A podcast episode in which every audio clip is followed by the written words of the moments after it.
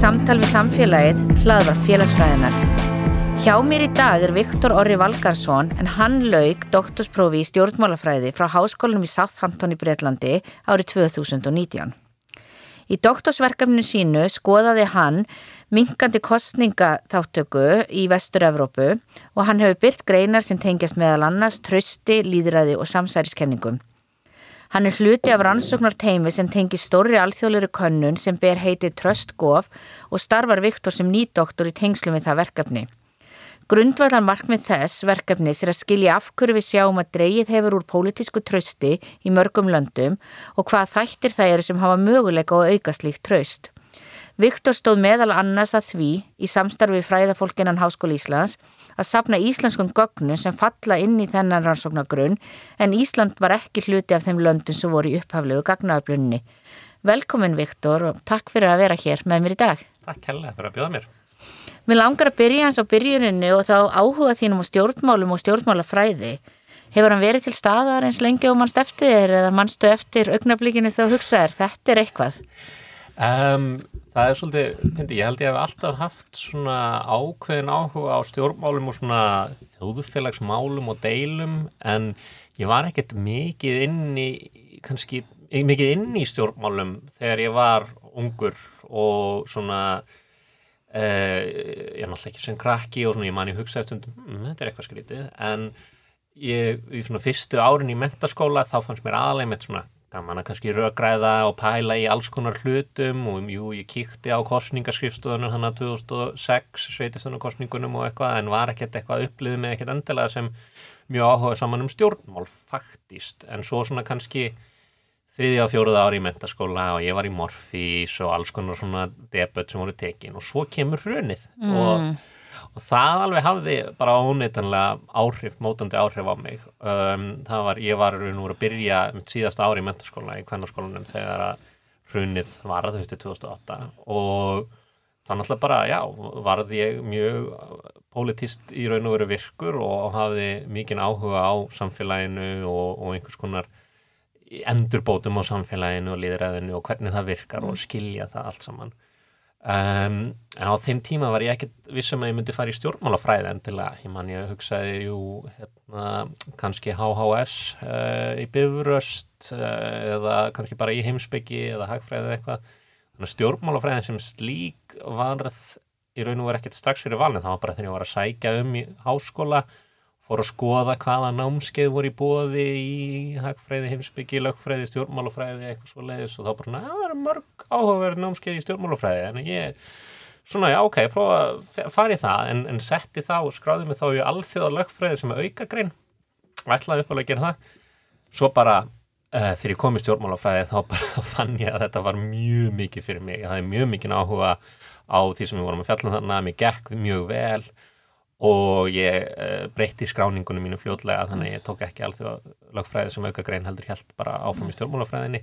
Og við vorum náttúrulega að stúdira það höstið 2009 og þá var ennþá náttúrulega gríðalegur svona uh, rústur og óvisa í íslensku samfélagi og stjórnmálum og það var mjög áhugavert að læra þetta og myndi um stjórnskipan og stjórnarskrár og líðræði og allt. Það var bara, mm. já, mjög áhugavert Og kannski ef svona hugsaðaðeins tilbaka til 2008 og svona þegar hruni kemur, hvað var það svona sem að kveikti í þér varðandi kannski hluti sem það verið áhyggjur af að hefði ekki verið í lægi fyrir hrun og svona þegar þú talar um endurbætur á Emme. íslensku samfélagi, Emme. þannig að hvað svona var það sem hún kannski sást, byrju hér er eitthvað sem þarf að laga, hér er eitthvað sem var ekki í lægi? Uh, já, það er góð spurning, af því ég held ég hafi upplifið þetta svona frekar almennt sem bara svona svolítið svolítið svona sálræn svik og einhver veginn svona, ein- einhver veginn eins og samfélagið svona hafi svolítið samfélagsímyndin sem ég hafði á samfélaginu hafi svolítið hrunið í kringum mig. Og hérna þú veist, það var kannski ekki ekki eitthvað eitt mjög tiltekið en ég meina ég hafði þú veist, ég hafði verið bara svona frekar sáttur samfélagsþegn skulum við segja, fram að hrunni og bara svona ágætlega sáttur við ríkjandi stjórnmálaflokka og, og ekkert verið neitt sérstaklega reyður yfir hlutunum. Og svo bara upplýða maður að þetta hefði í raun og veru allt eða stórum hluta verið einhvers konar blekking og þau hefði bara verið vanhæf og stjórnkerfið hefði verið uh, einhver veginn bara vanhæft og, og stjórnmálaflokkarnir uh, ekki staðið sig og, og kannski ef að ég get uh, kristallerað að einhverju leiti þá fannst mér einhvern skort alla ábyrð og, og svona ábyrð í stjórnmálum og eitthvað svona líðræðislegt aðhald uh, fólks gagvar stjórnvöldum og, og leiðir til að uh, bæta samfélagið og ég horfði upp á þú veist ég hafði mjög mikinn áhuga á því og ég horfði upp á mikið af því skólast til, nýja stjórnarskráin sem að ég, við getum kannski rætt meira á eftir ég á- á henni og, og hafði á þessum tíma og, og eins og ég segi, ég svona ég held að það hvað manni fannst þetta bara augljóst í hruninu og í eftirmála hrunsins hvað stjórnkerfið og líðræðið að mörgu leiti funkaraði fannst mér illa og hvað virtist vera erfitt að fá það til að breytast það er svona, eins og ég segja, að, að mörgu leiti hvað svona líðræðislegt aðhald ábyrð uh, hérna, gegnsægi og svona fagleg vinnubrögð og ímislegt sem að bara ég fór að taka eftir sko. Já, og það er þetta áhugavert sem hún segir með sjálfsmynd því að það hefur auðvitað verið talað um það í félagsfræðan og annar staðar og bara svona í samfélaginu að þú veist auðvitað var þetta efnahagslegt hrun. Mm en að mörguleit náði við okkur úr því miklu fyrir heldur en kannski þessu sjálfsmyndarhruni, pólitískarhruni og menningarlegarhruni því að við kannski trúðum að allt virkaði ofsalega vel á Íslandi. Einmitt. og bara við værum bara svona já, bara vel fungerandi velferðar samfélag þar sem að væri lítill ójöfnuður þar sem að hlutinni gengur tiltölulega vel. Algjörlega. Og þarna kannski bara svona sjá það að það höfður náttúrulega kannski verið Já. alls konar hlutir sem að kannski já, voru kannski löglegir en kannski mjög mörgum fannst kannski ekki síðlegir algjörlega og bara svona ekki einhvern ákjössanleir og, og við upplýðum okkur einmitt sem bara svona eitthvað eitt farsælasta líðræðið samfélagi heimi og eins og hinn Norðurlöndin og eitthvað og svo fannst manni það bara hafa verið algjör miskilningur og, og ég held algjörlega að það hefði haft sko svona svolítið djúbstæð áhrif á bara svona mótandi á okkur sem upplýðum hrunni kannski sérstaklega okkur að minni kynslu sem vorum bara svona að vaksa úr grasið að fullunast á þeim tíma og, og svona so, félagslega mótandi árin hérna uh, og, og algjörlega ég held að það sitja ennþá í okkur og kannski emitt uh, fólk sem er yngra en ég í dag kannski upplifir það og eða fólk sem að fylgdist ekki jafn mikið með og svona kannski upplifir það ekki jafn stert en ég held að stór hluti Íslendinga sé ennþá emitt sjálfsmyndin hefur breyst. Uh, og allavega var þetta kveikjan skulum við segja held ég að því að hérna, ég, ég veit ekki hvort ég hefði farið í stjórnmálafræði ef ég hefði verið að skrá mig skilur 2005 eða eitthvað hefði verið aðeins eldri. Um, og við sáum náttúrulega einmitt eftir hrun þá náttúrulega var alveg óskaplega mikil aukning í bara félagsvísta greinarnar í Já. greinar eins og stjórnmálafræði, félagsfræði, mannfræði, þjóðfræði já, algjörlega þannig að þá náttúrulega kemur kannski svolítið svona þessi hugsun og við viljum bara skilja hvað Mm. var sem að var eiginlega að gerast og kannski þá líka bæta úr að þeir gerist ekki aftur algjörlega, bara minn árgangur var held ég 150 nýjumar eða eitthvað í stjórnmálafræði þegar voru venjulega svona 50 árin í Já. kring sko og sum bara sem að ná, voru að fara í háskólan og, og völdu sér svona kannski eitthvað, svona eitthvað svona sæmilega áhugavert en mörg sem einmitt bara hafðu bara áhugi jógst kannski á stjórnmálum. Já, og áhugiðinn sem sagt eins og segir, hann náttúrulega jógst bara í náminu og þér gekk vel þannig að þú ákveður síðan að halda áfram í frekara nám og ferði út í Bretlands. Getur þú kannski sagt mér svona aðeins frá því ferli, hvernig þú ákveðast að fara í doktorsnám og svona hvað þið áfram já, algjörlega ég náttúrulega, þó að kannski einmitt hrunið hafi svona einhverju leiti verið smá kveikjana upphás áhuganum mínu, þá upplýði ég fljótt að ég hafði bara mjög mikið áhuga á þessari fræðagrein ekki endilega bara stjórnmálum eða umbótum eða eitthvað svo leiðis heldur fræðagreininni. Eh, Eftir ég útskrifaðist vorið 2012 úr grunnnáminu þá fór ég að vinna aðeins hjá félagsvísundastofnun HÍ við ímisverkefni og hérna líka hjá hérna landsamandi ungmennafélaga sem hétt á Eskulísfélaga sem svona málefnastjóri og eitthvað.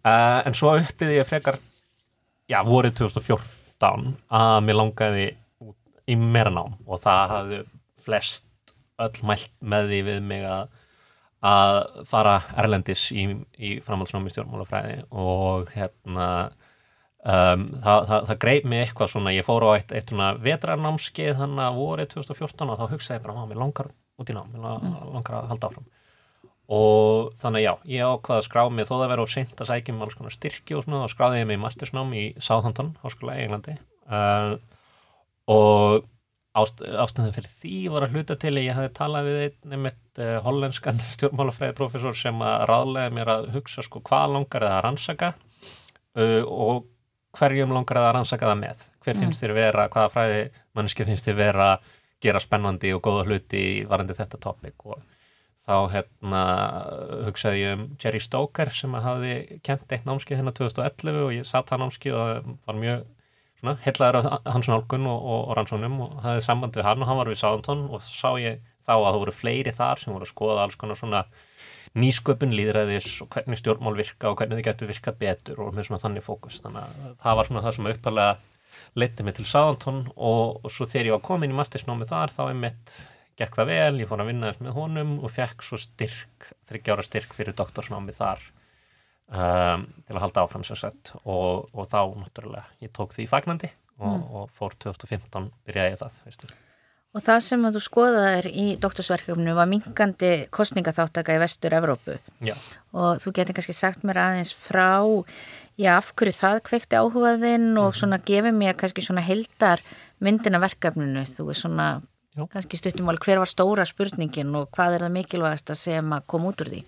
Já, algjörlega. Ég sko, einmitt eins og við töluðum um, þá byrjaði ég svolítið með þannig að fókus á svona endurbætur á líðræði og stjórnmálum og hvað er þetta að gera og með þessa sterkur tilfinningu að það væri ákveðin krísa í stjórnmálum og líðræðinu á Vesturlöndum allavega og svona og marstesverkanu mitt gerði ég um með svona líð, líðræðis umbætur, Democratic Innovations. Uh, svo í doktorsnáminu þá þegar ég var búin að lesa meira og meira þá svona fór ég að upplifa að vantar samt einhvern við þurfum að skrifa smá, stíga smá skref tilbaka einhvern veginn. Það, það er ekki enþá fullur skilningur á því nákvæmlega hvort og hvernig stjórnmál og líðræði er í krísu, hvað hefur verið að gerast og af hverju. Og, og ég, ég vildi fara kannski aðeins út í einhverju svona meginlegri rannsóknir og meiri svona tölfræði greiningar og eitthvað, ég er bara mjög mikið áhuga þeim líka í sjálf og sér.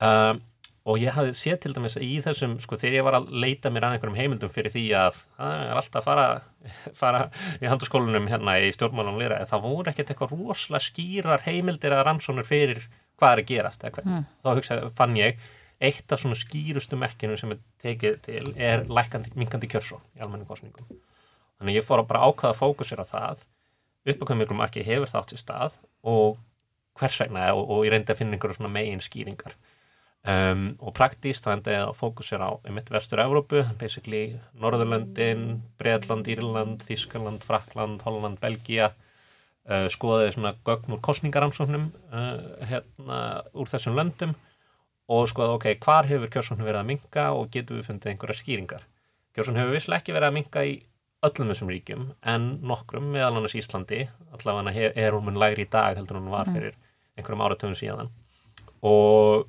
og við getum séð það af því að kostningarnarsonir hafa verið framkvæmdar tiltölulega reglulega í nokkru áratögi þannig við sjáum minkandi kjörsson og það er spurt í þessum kannunum hvort að fólk kaus eða ekki og svona og ég endaði á að fólk sér ok, og af hverju, ok, þá höfum við hérna þetta vandamál sem er visslega ekki í öllum ríkum en mm. mörgum og uh, hversun er það? Getur við fullirt að þetta sé vandamál eða hérna, hvað er í gangi? Og megin skýringarna sem ég skoðaði var það svona kallaði apathy or alienation það, og, og fólk skilur þessu hugtöku aðeins, nú er það mismundi hátt en það sem ég allavega átti við með þeim er, er fólk bara almennt að missa áhuga og er sama eða er það orðið frákverft stjórnmálum og, og, og stjórnkerfinu og líðræðinu mm. og búið að orðið, ósátt við það og það er eitthvað svona rótið í gangi. Kortum síg getur verið vandamál á mismunandi hátt mm. en það er allavega ekki það var ekki almennur uh, hérna, almenn sátt um það hva, hver skýringinu væri og ég komst í fyrsta lega því að almennu stjórnmálági áhugju hefur aukist í nánast öllu þessu ríkjum, ekki minkað allavega einu mm. þeirra.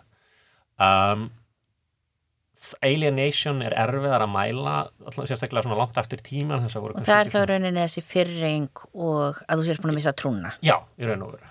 Og samsamar það ekki lengur í stjórnmálakerfinu.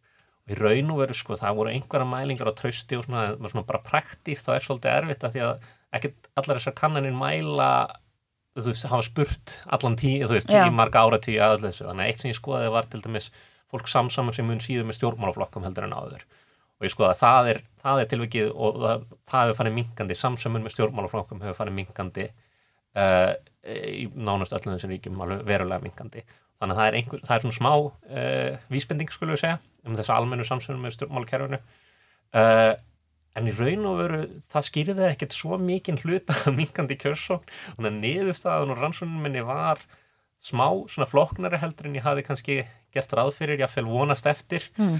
uh, þú veist, jú það skýrði þessi svona samsumum skýrði eitthvað aðeins en það sem virti skipta mestumáli var að það hvort þú hefur áhuga stjórnmálum eða ekki hefur, skiptir miklu meira máli í dag heldur en áður fyrir um hvort þú ferð að kjósa eða ekki. Mm. Það hefur meiri áhrif þannig að þau sem að sko þó að það séu fleiri sem hafa áhuga þá eru þau sem hafa ekki áhuga miklu óleikleiri í dag heldur en áður fyrir til að mæta að kjósa.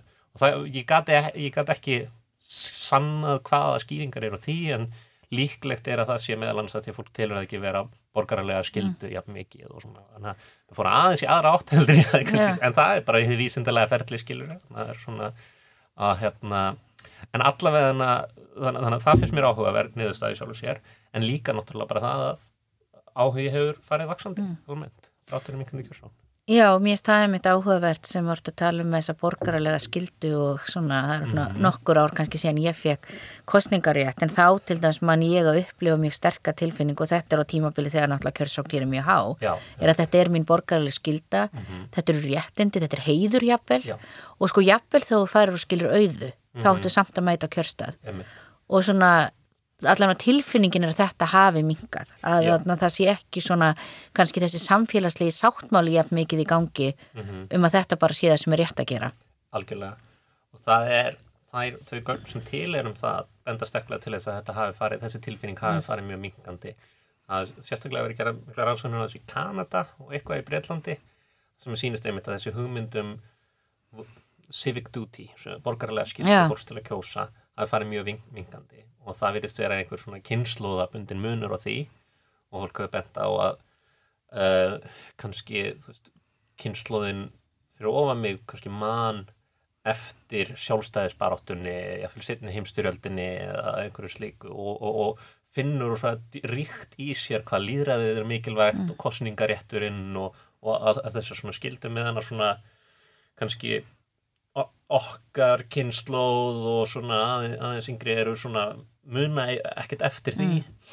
og, og eru kannski það, við getum líka að fara út í svona hugmyndunum svona postmaterialísk lífskildi, svona síð, hvað, hvað kallar það síð, efnishyggju, eitthvað svo leiðis það sem að fólk er meira svona ég gerir það sem ég vil. Ég ætla ekki að lúta einhverju valdi, það er ekkert skilda mín til að gera hitt, nett eða þetta.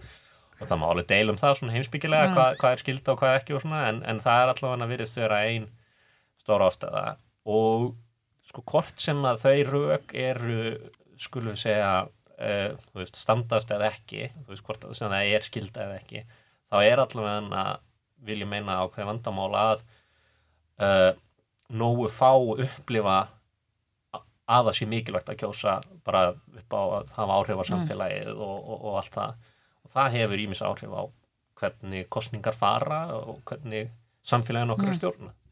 Og þá að sjálfsegin svo talar um meikar sens að áhugin fara að skipta miklu meiri máli Já. að þetta sé eitthvað sem er svona persónlitt gildi fyrir mig Já, alveg óháð einhverju borgarlegri skildu sem Já. ég kannski trú ekki á. Einmitt. Það er svona. En þú hefur líka skoðað þetta aðeins nánar bara á Norðurlöndunum og þá sérstaklega í Nóri og Svíþjóð þar sem hún byrtir grein í Scandinavian Political Studies já. og kannski að svona, já, bara segja mér eins frá þeirri grein og svona Nóri og Svíþjóð og kannski líka bara, eru Norðurlöndin einhverju leiti, er eitthvað sér, áhugavert við Norðurlöndin sérstaklega, skera þessu úr að einhverju leiti eða er þetta svolítið svona einhver heildamind sem við bara fæsum inn í? Já, sko, Norðurlöndin skera sig einmitt úr það, það er svolítið áhugavert uh, allavega sko í Nóri, Svíþjóð og Danmörku kannski ákveðnum marki í Finnlandi þá er til dæmis tröst ekki mingandi, það er, það er vaksandi ef eitthvað er almennt undan fann árið tíu Þá tröst til stjórnmála Já, og til stjórnir. Já, stjórnmála og stjórnvalda og svona uh, kjörsókn hefur farið bara að ég held vaksandi í Svíþjóð og Danmörku mm. en ekki í Noregi og þar minkaði hann allavega á tímabili og, og er minni var allavega minni þegar ég var að skoða þetta heldur hún hafi verið áður. Og það var í raun og veru svona kveikina greininu minni. Hún var svona ákveð uh, svona uh, ákveðinu leiti bara svona hluti af, af, afbríði af greiningunni í doktorsansoninu minni. Uh, en þar var ég að bera þessi tvöland saman sérstaklega af því að Noregi sáum við minkandi kjörsón í Svíþjóð ekki. Og það ég skoðaði það og bar saman hver er skýringin og allavega sá munur í raun og veru virtist hverfa þegar við horfðum á þessa skýringu sem við vorum að tala um með áhuga fólks á stjórnmálum. Þó hún sé ekkert eitthvað sérstaklega lágur í Nóri þá var hann ekki jafn mikill og þessi áhrif ekki sterk og svona og ég skoðaði þetta til kynnslóðum það var smá svona, smá svona flækjar í þessu. Uh, basically ungu, ung, yngri kynnslóðir hjá yngri kynnslóðum skiptir meira máli hvort þau eru áhuga á stjórnmálum ekki upp á hvort þau eru að kjósa. Og það virtist skýra munin á milli Nóri og Svíþjóð þannig og almennt eins og ég segi þá eru Norðurlöndin svolítið áhuga að vera því leiti að sko fyrir utan þetta í Noregi þá svona uh, skera þessu svolítið úr. Og fyrir utan kannski Ísland um, það er aðeins hérna kannski má, hvað segir maður, það er, er óljóst ennþá hvort að traust hafi náð sér almennilega strik eftir, eftir hrunið Mm. en uh, það allavega sko, pólitísk traust er talsvægt lægra á Íslandi heldur en hinn Norðurlöndunum og náttúrulega minkaði mjög verulega í hruninu og, og árin eftir það meðan þau áhrif veru miklu óskerir á hinn Norðurlöndunum ef, ef einhver sko Mm. þannig að það er svolítið áhugavert Og þú myndist á að á Íslandi höfum við séð verulega minkandi kostninga þáttöku. Já, nú, nú bara mann ég ekki svipin uh, nákvæmlega hver hún var núna í haust en var hún ekki svo lægsta í líðveldisögunni, ég held það og, og Ég held hafði- það, já. einhvern veginn, ég er að hugsa svona eitthvað kringu 70 kannski, Já, 8 71 eitthvað svo leiðis held ég. Og hérna ég, ég hef ekki hugsað um akkurat þessar að en, en einmitt, já, ég held kringum 71 og hún var einmitt sko 8, 10 og allt upp í 90 pluss prósent sko fyrir Já. einhverjum áratöðum síðan kjörsunum á Íslandi. Þannig að það er alveg skýr munur þar og við sáum það líka í sveita sinna kostningunum uh, bæði núna í vor já, kannski í vor einmitt sérstaklega sem að hún var sögulega lág í, í sveita sinna kostningunum og 2018 verulega Já. lág. Um, 2014 líka mér Já. þannig að já, við erum klárlega að sjá þetta á Íslandi auðvitað við flest hinn Já, ekki svona farið minkandi og hlutaði að þú er kannski ekki með gögn að því en mér erst allavega svona í samfélagin þá heyrir við bæði í rauninni þessi þetta skiptir einhver máli hvað ég geri mm skiptir einhver máli hvað ég kosi stjórnmálflokkin eru allir eins, það er engin munur á stefnumótun. -hmm. en svo náttúrulega líka einhverju lit eru við kannski að sjá þessa fyrringu já, já, ég held það sko. Og algjörlega, það er, það er, það er bara flókið einmitt að átt að sjá því nákvæmlega hvað er í gangi en það er einmitt sko, fólk, almennt upplifur þetta svolítið og kannski er eitthvað svona einmitt vonleysi um að eitthvað breytist þó að fólk, e, þannig að allavega fyrir þau sem vilja breytingar þá, hérna, er ákveð vonleysi kannski um að hlutinni breytist eftir að það eru búin að vera all nokkrar kostningar og, og, og svona í kringum og eftir hrun. Um, og svo svo hérna já náttúrulega COVID kom og, þú veist, og, og fólk kannski fekk líka bara um, skiljanlega svo litið leið á stjórnmálum eftir þessi ár þannig eftir hruns ár sko. ég, það náttúrulega bara er mjög áhugavert alveg held í burtsi frá því hvar þú standir pólitíst að í rauninni við erum kannski með ákveðna flokka sem eru búin að vera við völdin meiri hlutan af 20. öldinni og fram á 21. mm -hmm. Og svo náttúrulega sjáum við mjög rótækt í kjölfar hlunsins að ég mun það er fyrsta skipti sem að næra vera vinstri meiri hluti, þú veit að höfðu vinstri flokkar svona hingað og já, svona kannski ekki drosalega oft en verið náttúrulega í stjórnar samstarfi en ekki að við næðum því Já. en fjórum ára setna er við komið með sömu ríkistjórnina og alla 20. og 21. öldina Já, emmitt að- og náttúrulega Algjörlega og sumt að þessi náttúrulega bara á sér kannski svona eh, sértækar skýringar og náttúrulega eftirhunds árin voru mjög erfið og æsseif var mjög umdelt og margt var mjög umdelt og, og ríkistunni færðis mikið í fang og allt það sko en það er einmitt alveg merkilegt og sjálfstæðisflokkurinn náttúrulega verið í ríkistjórn hvað allan tíman síðan 2013 eða ekki? Og hérna það, það er svona óæmynd sem eru bara mjög sáttið það og kannski ja, hérna sem sagt hafa einhvern sérstakann kvata til að fara að skipta sér me mikið meira af og svo eru önnur sem eru ósátt en eru hérna uh, kannski vonlítil um að mikið breytist. Þá eru svo líka svo margir flokkar sem eru ekki, ekki sjálfstæði flokkurinn yeah. eru til vinstri og fólk á erfitt með átt að segja á því stundum hver er munin og þeim og uh, hva, hver er veist, þessi flokkar er að mörguleiti í sjálfsmyndar vanda eins og sjáum kannski samfélinguna þessa dana og svona. Og þannig að það eru rosa margir valkostir og erfitt að velja og þá sko ég, ég myndi kannski fara rauk fyrir því að ef þú ert í þeirri stöðu þá er samt Uh, skárra að þú farir og veljir einn flokk sem þú veist að er nálægt því sem þú vilt mm. en ég held að mörg taki bara svolítið þá afstöðu ég nenni ekki að, nenni ekki að reyna að taka ákvörðin ég nenni ekki að reyna Já. að gera upp á milli hvað, hvað þessum flokkum er og, og, og þá nenni ekki að mæta Já, þannig að það geta alveg verið einn hlutaskýningunni sko. já og svona tengt þessu og við erum svona svolítið farin að tala um tröstið Já. og mér langar að tala aðeins meira um það. Og annars vegar náttúrulega í sambandi við það að þessu uh, alþjóðlega verkefni og rannsóknarteiminum Trust Gov. En kannski áður en við svona förum inn í það þá langar mér líka kannski bara svona aðeins að heyra frá þér um bara þínar hugsanir um pólitísk tröst og þá bara bæði af hverju það er mikilvægt fyrir okkur í fræðasamfélaginu og kannski ekki síður bara samfélagið í heild að skilja pólitísk tröst Já, einmitt.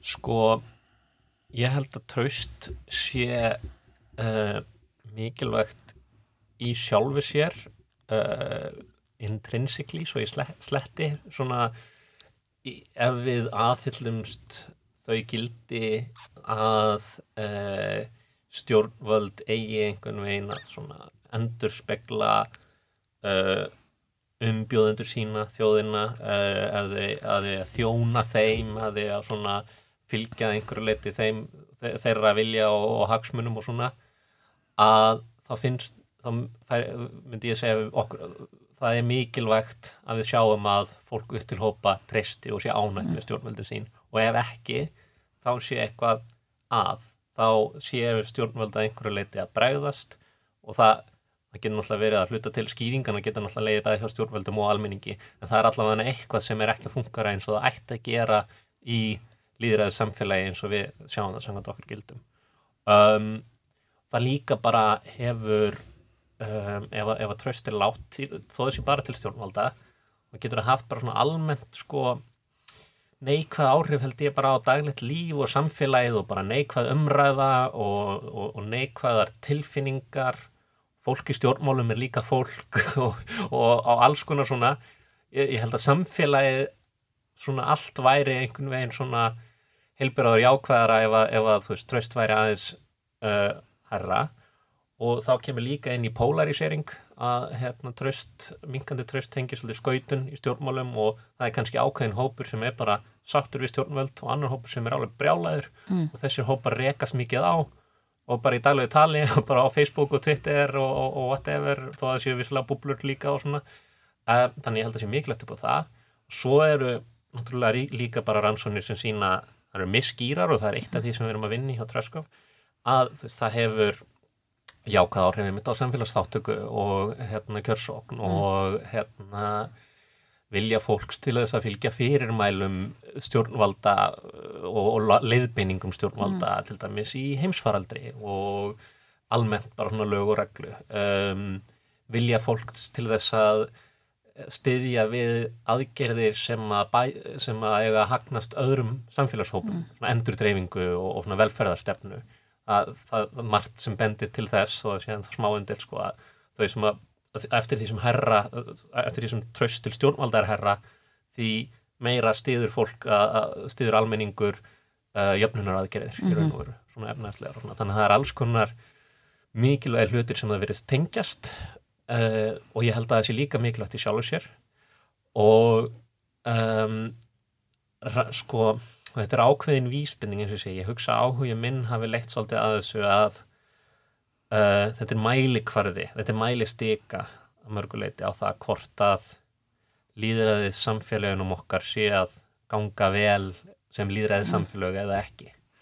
Já og náttúrulega líka svona kannski sem að við erum að tala um að við erum meira að tala kannski um þetta svona kannski grundvallar tröst á stjórnkerfinu, líðræðinu, mm -hmm. stjórnvöldum, alveg sko óháð því kannski hvort að ég vilji sjá sjálfstæðisflokkin í stjórn núna eða samfylkinguna mm -hmm. eða mhm. pírata, Okkilega. en þú einhvern veginn svona bara treystir að það eru réttláttar kostningar, Já. það er, þú veist, ferlið virkar Algjörlega. og svo auðvitað bara fara kostningar allstaðar og stundum ert ánar og stundum ekki.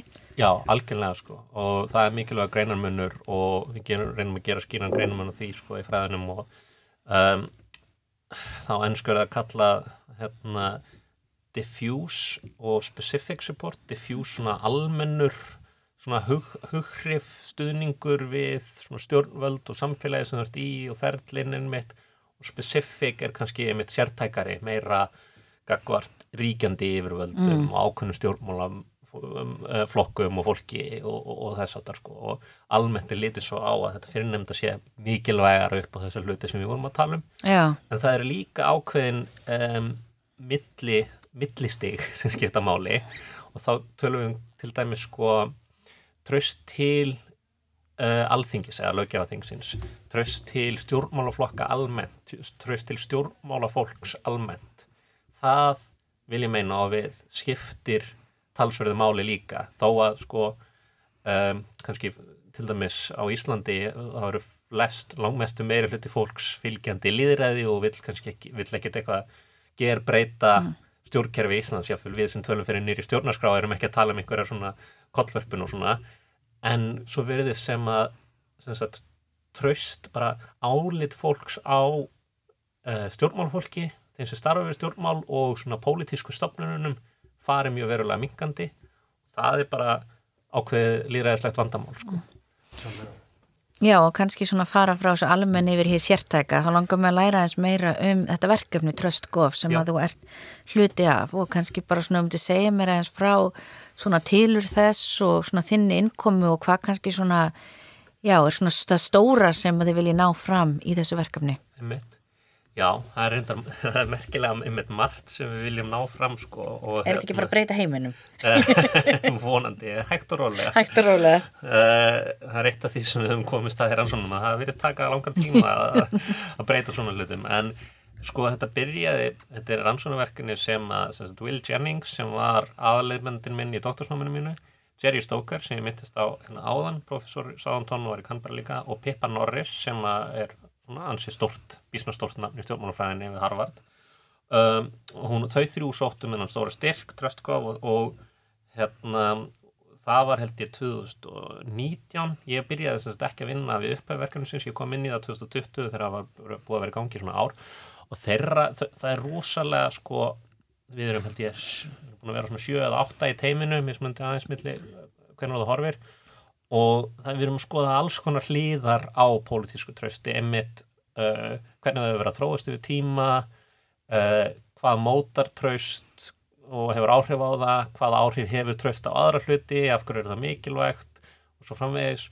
Og kannski eitt af því svona ef ég ætti að summa um hvað gerir tröstgóf að svona tröstgóf þá hefur verið pælingin með svo að gera smá greinarmun og því emitt að sko uh, það er eðlilegt í heilbriðu líðræði samfélagi að það sé ekki alltaf fullt tröst til stjórnvalda mm. og, og allra sem er í stjórnmálum og svona uh, þannig að við getum verið með sko, það er ekki endilega vandamál ef að tröst er látt, við verðum að skoða það í samingi við raunveruleikan, hvernig eru stjórnvöld raunverulega að standa sig, hversu líðræðislegt, uh, kompetent svo í sletti, hversu hæft er stjórnkerfið hversu vel er það að sinna þar um kjósenda og svo framvegis.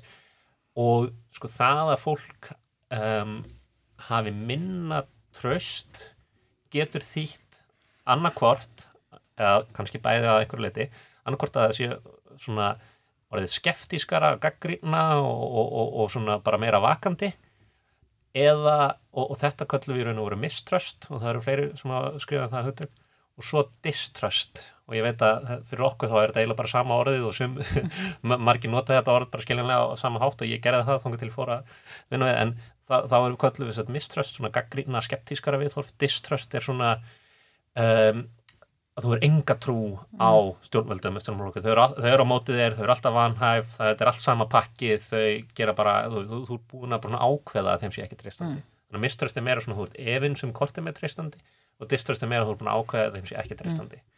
og við höfum verið að reyna að finna svolítið svona, hvernig finnum við kannski þennan aðgreinu við þessa mm. hópa eða þessi viðþorf og, hvernig, og þessi síðan nefndi er að okkar mati það er meira vandamál, það viðþorf og eh, kannski að einhverju leita eðlilegt að hafa eitthvað miströst í samfélagum því auðvitað eigum að vera að spurja gaggrínna spurninga og... Svo sannlega og um, alls sem að hafa séð mig, mig eitthvað tjáð mig um þjóðfélagsmál og stjórnmál og bara það sem ég var að tala um áðan vita að ég er ekkert eitthvað fullkomlega ánaður með stjórnvöld og, og hérna íslensk stjórnvöld eða bresk eða bandariska whatever. Um, og það er heilbigt og einmitt, við tölum bara það í raun og veru getur bara verið mjög jákvægt og mikilvægt um, og þess vegna erum við svona svolítið aðgreina, aðgreina það. En ég held að þetta distressdæmi og bara, bara bæða á rannsóknum og bara tala við fólk þá, og, og, og þú þekkir það eflust líka. Það er mjög mikið af fólki sem sko er distrusting, svo ég bara segi það vantristandi að eiginlega alveg óhóð því hvaða svona gögnir mm. fram eða hvaða raug og í hvaða tilviki er verið að tala um. Og svona uh, þau gera allt ránt, skilur stjórnum, mm -hmm. fólkistjórnum gera allt ránt, þetta er allt spilt þetta er allt svona, þessi svona sleggjudómar og eitthvað sem að eru svona kannski tilfinningalegri að mörguleiti, er eitthvað sem er kannski meir, er, er kannski ógn að einhver leiti við, við lýraði og, og þá, stundum er þetta kannski bara hérna, falsfrettir og samsæðiskenningar misinformation og allt það, en stundum er þetta bara af því að uh, stjórnvöld hafa brúðist ímsum mm oft í mjög illa og það var kannski skiljanlegt að þau bara tilengi sér þetta viðþórf og þá er það eitthvað sem þarf að laga á hálfu stjórnvaldar sko. mm. og þú varst að tala um það að vera með gögn og það þurfu ekki endilega að byggja það menn þið auðvitað eru að safna gögnum Já. og getur kannski sagt mér aðeins frá þeirri gagna öflun og í hvaða löndum eða hvaða löndar sem eru sérstaklega verið að skoða Já, við höfum verið með svolítið breiðan fókus sko. það hérna að einn hluti af verkaninu sem ég er eh, eiginlega ekkert eh, viðriðin er með rínihópa sem að voru, ég held í átta eða tíu löndum eða eitthvað svo leiðis rínihópar um tröst og, og svona mismundi viður og núansera í trösti um, í mæi 2020 lögðu við fyrir kannanir í Breitlandi, Bandaríkunum, Ítali og Ástralju og mjög áhugaður fannst mér um svona einmitt þá var COVID nýbyrjað og alls konar um framistöðu þjóðarleitóa og svona í því. Um, og svo lögðu fyrir kannin í Breitlandi í desember 2020 og svo núna í fyrra lögðu við svona í svona alþjóðlega kannun sem þú myndist á hennu upphafi sem að hérna uh, við lögðum fyrir sem sagt í uh, Þískalandi, Fraklandi, Spáni, Kroati og Argentínu. Og það voru alls konar flóknar ástæði fyrir akkur þetta á vali og hérna og svo einmitt bættu við Indlandi og Brasilíu því að fólk þar, eða það nálega sem var að vinna með okkur sem hefði áhuga á því. Og svo Íslandi sem við hérna höfum verið að vinna að uh, sem að lögðum fyrir hérna konuna í desember síðastliðnum og það er ekki alla sömu spurningar í öllum þessum konunum en, en það er svona kennarspurning þannig að við erum að skoða þetta svo við líka verið að vinna þess með hérna alþjóðlegu konunni World Values Survey sem að lögðu fyrir auka spurningar og kannanir í, í hinum á þessum löndum. Mm. þannig að það er alveg eh, það er mikið afgögnum sem, sem við erum ennþá að hérna, vinna í að koma út í greinum. Við erum búin að koma út í einhverjum uh, greinum sko náttúrulega COVID hefur tekið svolítið aðtiklina akkar allra, skiljanlega kannski. Já, ég sá mér það vakti aðtikli mín að greinsa sem voru að skoða með uh, samsæriskenningar og bóluefnin Já. að þú getur kannski sagt mér aðeins frá hvað það er sem þeir að skoða í þeirri grein og hvað þið finnið Já, algjörlega hérna, það byrtist grein í tímaréttinu sem heitir bara Vaccines uh, hérna, sem byggðum á hérna, gögnum okkur úr breskukonunni 2020 með, og unnum með nei, uh, uh, professor í, Ox, í Oxford og hérna þar voru að skoða alls konar þætti sem tengjast í hvort að fólk var til í að þykja bóluefni eða ekki. Og við vorum með þetta á löngkonnun og það voru alls konar mælingar og, og auðvitað skiptu tröst þar miklu máli. Uh, notkun á samfélagsmiðlum og hefðbundum miðlum skipta einhverju máli líka. Hefðbundum miðlar frekar íta undir uh, eða tengjast því að vilja taka bólefnið ekki en langsterkasta áhrifin raun og veru voru, var, voru spurningar við lögum fyrir svona hvarða sem að hérna, er ætlað að mæla svona uh, samsæris hugarfar, uh, conspiracy mentality ekki endilega stöðningu tilteknar samsæriskenningar heldur svona, uh, já, al almennt svona tilneyingu til að trúa á svona samsæris uh, hugarfar uh, kenningar. Og það hafði langsterkustu tengslinn við að vilja ekki uh, taka bólefni reynda líka tröst til heilbreyðskerfis sinns aldur tengdist því líka mjög stert en já, það var mjög áhugavert. Og kannski kemur ekkert rosalega mikið ávart en, en samt svona hluti sem að þarf að skoða og skilja af hverju og staðfesta og við erum einmitt núna alveg á lokametrunum með að hérna, senda einn aðra grein þar sem við skoðum í raun og veru þetta sama í nánast öllum löndunum sem ég var að tellja upp hérna áðan sem voru í þessari aðalkonun okkar. Þá skoðum við bara notum við flestar sömu breytur og skoðum hvað tengist í helsta fólk vildi tekja bólefnið ekki í þessum löndum eftir að bólefnið voru komin. Og í stuttum ála eru mjög svipaða niðurstöður. Já, og mér langar kannski aðeins að fara úr þessu en halda áfram með samfæðiskenningarnar og COVID-19 því að uh, íslensku gögnunu líka skoða þetta og ég held geti nú bara játað hér að ég nú hluti af rannsóknar teiminu með þér ásamt Huldu Þóristóttir og Jóni Gunnari Ólafsinni, en kannski svona segja mér aðeins frá, ég náttúrulega veit alveg við erum ekkert konroslega langt í að greina þau Nei, nei, nei. en svona byrja að skoða þau aðeins en svona hvaða spurningar í rauninu um eins og COVID-19 og samsæriskenningar getur við svara með þeim gögnum hér á Íslandi? Já. Hvað getur fólk, þú veist, hvað, hvað getur fólk hlaka til á næstu missurum? Uh, já, eitt af því sem einmitt, við huldaðum kannski að leiða í þessum hópi er einmitt að skoða sko, samsæ, að því að við lögðum fyrir einmitt við hérna þessu hópur hl- hluta af þeim þeirri konun sem var lagð fyrir í þessum öllu þessum löndum þannig uh, uh, sjöðurum löndum í raun og veru þá hérna við fyrir meðlan sennan samsæris hugarfarskvarða og uh, spurningum um bóluefni og um COVID og, og þess að þar og já, eitt sem við getum allavega sagt er að, að hérna, uh, stuðningur við, að samsæris hugarfar var minnst á Íslandi af allavega þessu löndum sem er áhugavert. Já, mjög.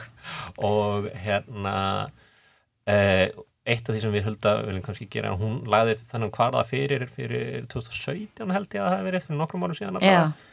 og eitt af því sem við viljum gera er að bera saman hvort það hafi aukist eða minkað, minkað uh, á þessum tíma með COVID og öllu því.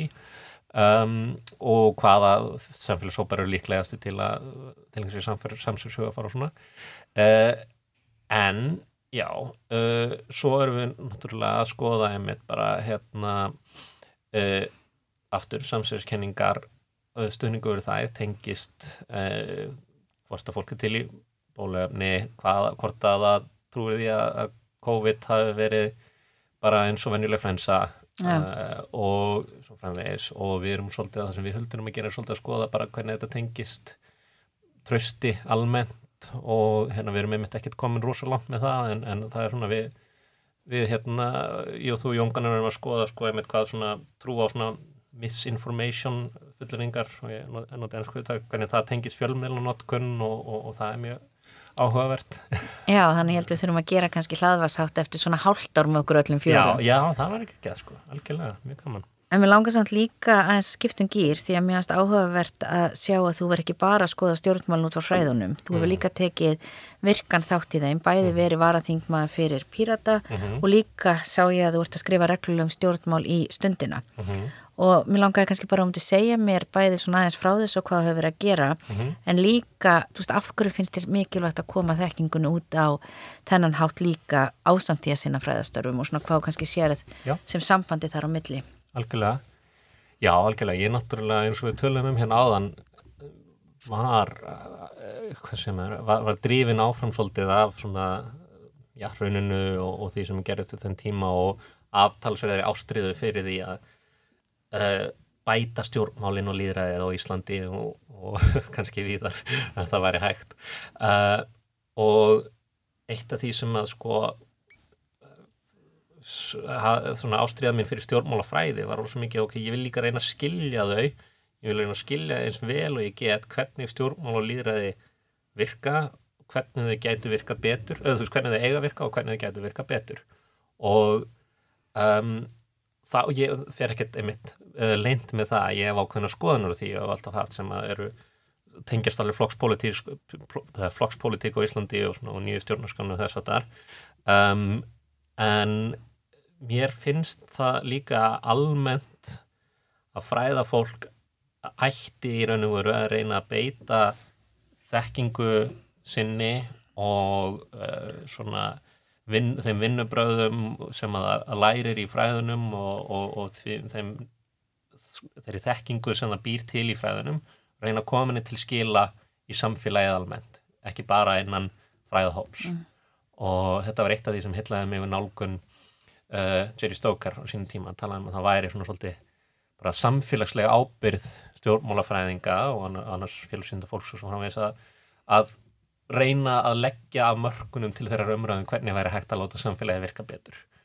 Og líkti við kannski bara þú veist lækna. Eh, læknar er ekki bara að hérna, rannsaka eitthvað hver, hvernig líka minn virkar og hvernig sjúkdóma virkar þeir eru, eru drifin áfram svolítið að því að reyna lækna sjúkdómana og við ættum kannski, þetta er þetta náttúrulega ólík föga mér mörgu leiti en við ættum kannski að hugsa auðvitað við að reyna að nýta sér þekkingu okkar og vísundilega þekkingu til að leggja eitthvað umfram bara það á mörgum til samfélagsins. Og þá kannski að lækna samfélagið Já, ég vil ekki setja, það ljóma svolítið svona að setja sér á, á hans stall en svona uh, allavega að taka þátt í umræðinni Já. og reyna að koma uh, rannsóknar nýðustuðum sínum og framfæri eins og við erum múnandi að gera hér og hérna uh, taka þátt í því og ég minna það einmitt, ég fór í það reyndar ég ekki náðu duglegur að skrifa um politík uh, undanfarið, kannski aðala á Facebook fyrir og stundina núna svona undanfarið en, en var einmitt mikið í því á tímabili. Og já, ég hafði alveg ástyrðið fyrir því að það er ákveðinu hlutir sem að þarf að bæta og er hægt að bæta og væri, og væri mjög gott að bæta í íslensku samfélagi stjórnmálum og, og, og víðar. Og mér rennur svolítið blóðið til skildunar og hef líka náttúrulega bara smá svona ástriðu fyrir því að reyna að hafa áhrif á það. Uh, þann með sagt auðvitað hérna undanfannar vikur er ég aðalega búin að vera að vinna með einhver gömul gagnarsöfn og kóðabækur og viktir og, og skoða það. Þannig að hérna, það er alveg aðskilnaður þannig á milli líka sko, stjórnmálafræðin og pólitíski aktivismin eru, þú veist og ég aðskil það og ég, þú veist, rannsaka hvernig flokka stjórnmál virka upp, að einhverju leiti og, og veist, þar er ég ekkert að hugsa, hugsa sem pírati eða eitthvað svoleiðis og ég hef orðið svona, ég hef ekkert verið virkur í píratum síðan í raun og veru. Ég fór þannig að þingi 2017 um, og þó ég er náttúrulega fara ekki leint með að ég finnst sumir flokkar uh, ákjósanlegar en aðrir og allt það en, en hérna, mér finnst það bara almennt einmitt að, að svona fræða fólk sem hefur sérþengingu að reyna að taka meiri þátt í umræðinu og mm. bæta samfélagið. Já, ég held að það sé líka mjög mikilvæg punktur að skilja á, á milli Já, eins og talar um að þú veist, ég minn eins og ég stundu segi að þú sem félagsfræðingur þá tala ég ekki nema það byggja á gögnum eða þekkingu Já. eða einhverju slíku en auðvitað er líka manneski og það er Já. kannski stundin sem er svolítið erfitt við að vera félagsfræðin sem þetta fólk er að auðvitað erum við manneski líka og við höfum alls konar skoðanir og Einmitt. slíkt en náttúrulega hlutverk okkar er líka að aðskilja þetta tvent og þú veist hvað getur við sagt út frá fræðum, út frá þekking, út frá gögnum? Og hvað getur við síðan sagt náttúrulega bara almennt eins og náttúrulega fólk bara spjallanum daginn og veginn og þar á meðal stjórnmál og samfélagslega mál. Alveg rétt, ég má, ef ég má nefna stuttlega sem dæmi með sko, uh, ég var einhver tíman beðin um einhver uh, komment á, á bresk stjórnmál fyrir kostningarna 2019 og hérna og það er mitt og ég, ég er alltaf með þetta um þetta, það er bara svona reyndið að setja fram greiningu og ræðilega greiningu og, og, og, og hvað hefur verið umræðinu og svona svo framvegis.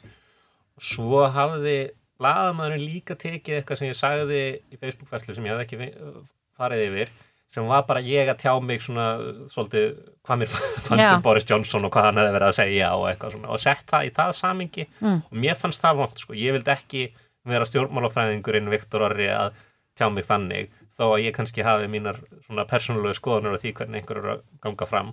Og alveg, alveg eins með Íslands stjórnmál. Mm. að, hérna, þannig að auðvitað verður maður að, klárlega að gera þann greinamenn sko. Og en ég eitt sem er dett líka í huga, ég held fyrsta fræðilega byrtingin mín var með Silju Bári Ómarsdóttur, professor hérna að hérna byrtum grein í, í alþjóðlega reytir sem heitir Globalization sem að fjallaði svolítið um uh, svona eftir hrun stjórnmál á Íslandi. Og þar fjöllum við bæði um Vafgíja sem að Silja hafði áður verið félagi og, og um Pírata sem að ég var og er meðlumur í og fjöllum um það og ég held að ef fólk kikir á þessa grein uh, svona netinu, þetta er Anarchy in Iceland spurningamærki og þá, hérna, þá sjáu fólk alveg að þetta er engar lof ræður um þessa flokka mm. er eitthvað en aðra, þetta er bara, vil ég meina hérna, stendur það. Maður, og það er bara holdt fyrir okkur sem höfum skoðanir að, að fara líka stundum út fyrir hvaða, þú veist, flokk aðhyllist ég en líka geta bara greint, ok, þetta eru hérna gallar og kosti og svona er þessi flokkur og ekki svona og, og þess að það er sko Já, nákvæmlega og mér langar svona aðeins í lokin uh, þar sem það er augljóslega mjög mikið af spennandi hlutum sem að þú ert að vinna fyrir, vinna að og náttúrulega gaman að sjá að þú ert að byrja að byrta mjög öfluga alþjóðlega og öruglega mjög mikið sem að áeftir að koma næstu árum og áratugum en svona kannski aðeins bara um hvernig þú sér framtíðina fyrir og svona mm. hvort það sé einhverja spurningar sem brenna á þér að fá svör við. Já, algjörlega, uh, takk fyrir það. Það er endar einmitt svona, tiltöla nýlega fréttir. Núna er ég ekki, frá, frá með núna fyrsta september uh, síðan, þá er ég ekki formlega uh, starfandi við tröstkofverkefni. Um, heldur er ég, að bauðs mér og þáði nýjan rannsóna styrk til þryggja ára frá Leverhulme Fellowship, Leverhulme Trust í, í Breitlandi sem er svona rannsóna sjóður sem styrkir og, og þetta er svona Early Career Fellowship. Þannig að nú er ég að byrja ný, á nýjum postdoc, svo ég flætti aftur, ný doktorstöðu til þryggja ára. Og þar er ég að fókusera á spurningunum, við höfum verið að skoða alls konar hliðatraust og mitt, minn fókus hjá tröstkaf hefur verið svolítið svona, jú, COVID en líka þróun trösts yfir tíma og hvernig það tengist uh, þáttöku og svona. Núna vil ég reyna að færa mig aftur að kannski spurningunni sem að hefur drifið mig svolítið áfram og það er rebuilding political trust hvernig getum við byggt upp meira tröst til stjórnmála og hvernig getum við gert það? Uh, hvaða leiðir eru mest vænlegar til þess? Og þá er mitt einhverja svona hilbreyða blöndu af tröst, trust og mistrust. Hérna vísa eftir í hugtingin svona að tala um.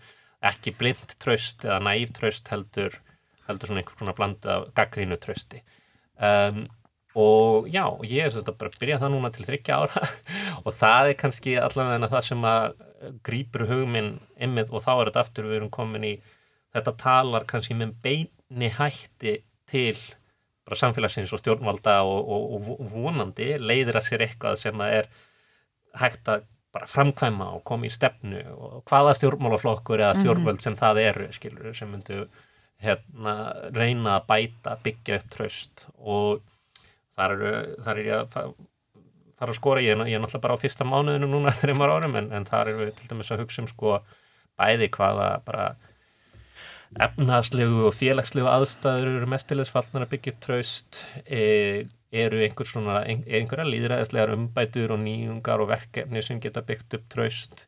Og svo líka e, hvernig stjórnmála fólk haga sér og kemur fram og svona hvort það er meira að samstöðu stjórnmál eða meiri ágreiningur og, og hvað það svona leggur á og hvernig það talar, það er eitthvað sem ég svolítið náhuga á og við hefum með mitt byrt um, eina grein um það í Political Studies og erum með aðra í hérna rittríni um sko hvaða þættir eru það í fari stjórnmálfólk sem nýta mest undir tröst mm. við erum mikið að skoða það er svona lefum mér aftur að sletta competence, integrity og svo authenticity sem við bætum við síðast þannig að það er svona hefni, heiðarleiki og einhvers konar svona svona að vera raunveruleg manneskja, að mm. vera einlega vera svona hægt að tengja við þig og svona, mm. þetta er aðeins ólíkt eins og við heyri kannski allir hinn sem gerast út en þetta er samtalið eitthvað sem ég áhuga líka já. Sko. Já. já, ég held að allt þetta er mjög vel heima hér á Íslandi sem og Erlendis og við heyrum um þessi hugtök bara nánast daglega held ég fjölmjölu hér um mm. ágreining, samstöðu og allt slíkt, mm. þannig að ég held að það sé bara mjög spennandi að sjá náttúrulega bæði hvað þú hefur fram að færa og myndfæra fram til fræðan en ekki síður kannski til að bæta líðræð og bæta Íslands samfélag vonandi. Vonandi, maður leifir sér að dreyma allavega. Já, það er ekkit annað í bóði. Herðu kærar þakki fyrir að vera hér með mér í dag. Takk sem við leiðis.